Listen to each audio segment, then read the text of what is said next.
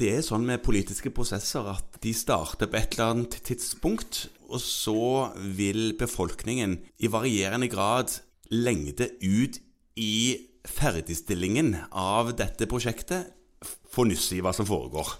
Ja, for det, nå tenker du på at det foregår en del sånn diskusjoner og tanker og utredninger og sånt. Ikke i det skjulte, men på en måte heller ikke i det åpne. Nei, altså det, det er en sånn lobbyering som foregår. og um, Jeg har vært på noen foredrag med juridisk avdeling i Legeforeningen hvor de har fortalt litt om hvordan de prøver å påvirke i fornuftig retning fra Legeforeningens side forskjellige saker som diskuteres i Stortinget før det liksom blir lovforslag og legges ut på høring og alt det der. Ja, og så går det på høring, og så kommer det et eller annet forslag da, som Ja. legges fram for Stortinget. Enten en lov eller En forskrift. Ja. Endring av sådan. Et eller annet sånt, ja. Eh, og så er det jo i varierende grad at de som skal bestemme her i landet, tar hensyn til og tar inn over seg de innspillene som kommer i høringssvar fra forskjellige instanser som blir påvirka av lovforslaget. Hva, hva sier du? Hør, hør, hører de ikke alltid på alle som kommer med innspill? Hvis du spør politikerne, så tror jeg svaret er jo da. Vi tar inn alt og kommer ut med det som vi tenker er det beste for alle, samla sett. Det Men- sier de sikkert. Ja, det- det sier de. Men- det kan jo være at ikke alle opplever det sånn, men det var kanskje ikke det du ville snakke om, eller? Nei, altså det var en veldig lang intro på at vi har vært i en debatt en gang. Eh, Altså det er vel noen måneder siden nå, hvor vi snakket om dette med anbudsordningen som er foreslått for medisiner på blåreseptordningen. Ja, og der har det jo vært en pilot Ja, det har på vært disse om- PCSK9-hemmerne. Ja. Som har gått, og, det foreligger en rapport, og det tror jeg kanskje også vi har nevnt og snakket om. Eh, Der har det skjedd noe. Ja, det har skjedd noe. Det er et statsbudsjett som nylig er blitt offentlig. Ja, og tro det eller ei, i- riktignok i forslaget til statsbudsjett, fordi så vidt jeg forstår den politiske prosessen, i, i november 2023 så er ikke det vedtatt endelig ennå. Men, er der, ja. men der er det faktisk eh, foreslått innført som permanent ordning. Men korriger meg nå. Du følger bedre med på dette, og Arendalsuka og sånt. Var ikke dette òg debattert der? Eller snakket om, iallfall der?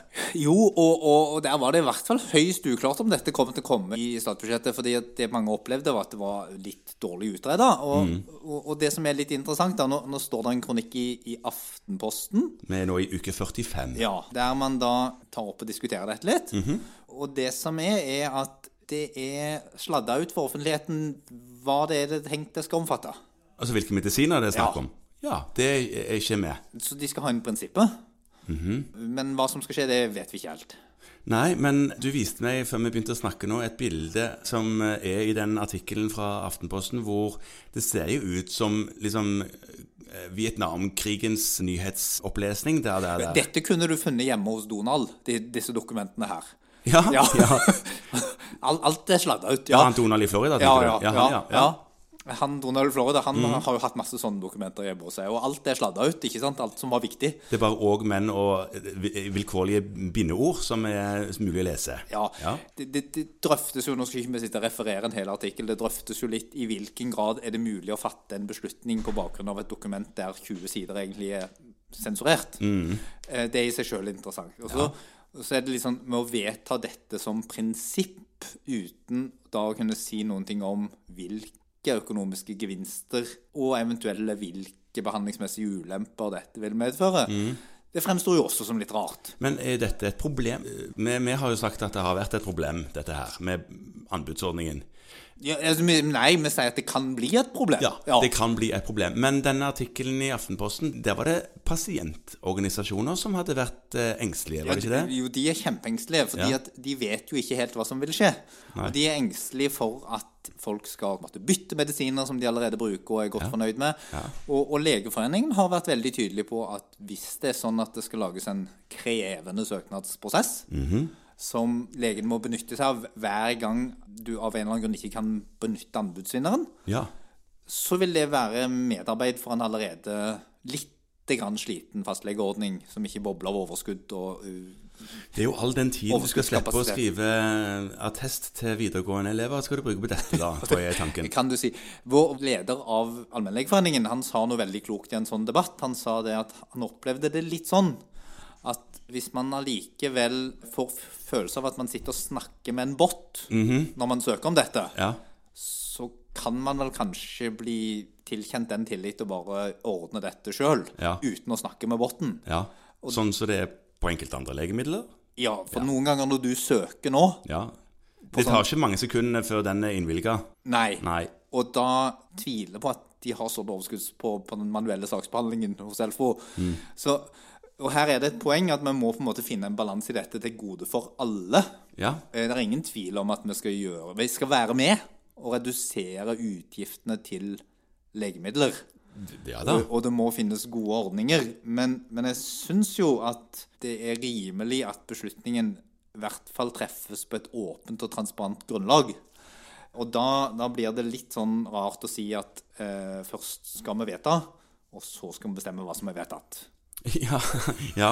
Sånn at eh, Men, men er det egentlig ingenting som faktisk er bestemt ennå. Nei. Nei.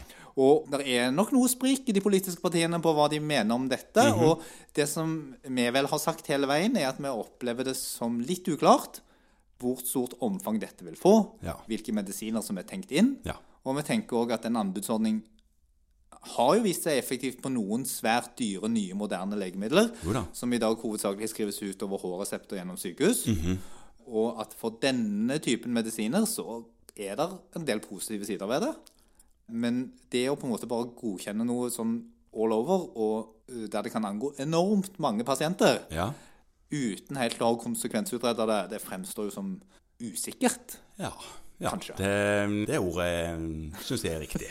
Ja. Så, så jeg tenker at vi må iallfall tenke at Legeforeningen er jo på i denne saken, men det kan vi kanskje være som enkeltperson òg, og følge litt med på. For det, det kan jo faktisk få konsekvenser for din hverdag, Morten. Ja, Der du må sende noen ikke ubetydelig andel ekstra sånne eh, Søknader, ja. søknader. Mm, Eh, og det har du jo kjempestort overskudd og tid til å holde på med, har du ikke Nei, det? altså Fastleger er jo ikke skapt på den måten at de liker å styres i noen som helst retning.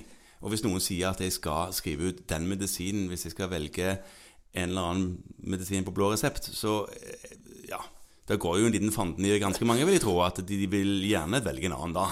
Ja. Ja, Får håpe at det ikke bare er motivasjonen, da, men at vi hovedsakelig skriver ut det som vi tenker funker best for denne pasienten. Jo da. Og som oftest er det vel kanskje det.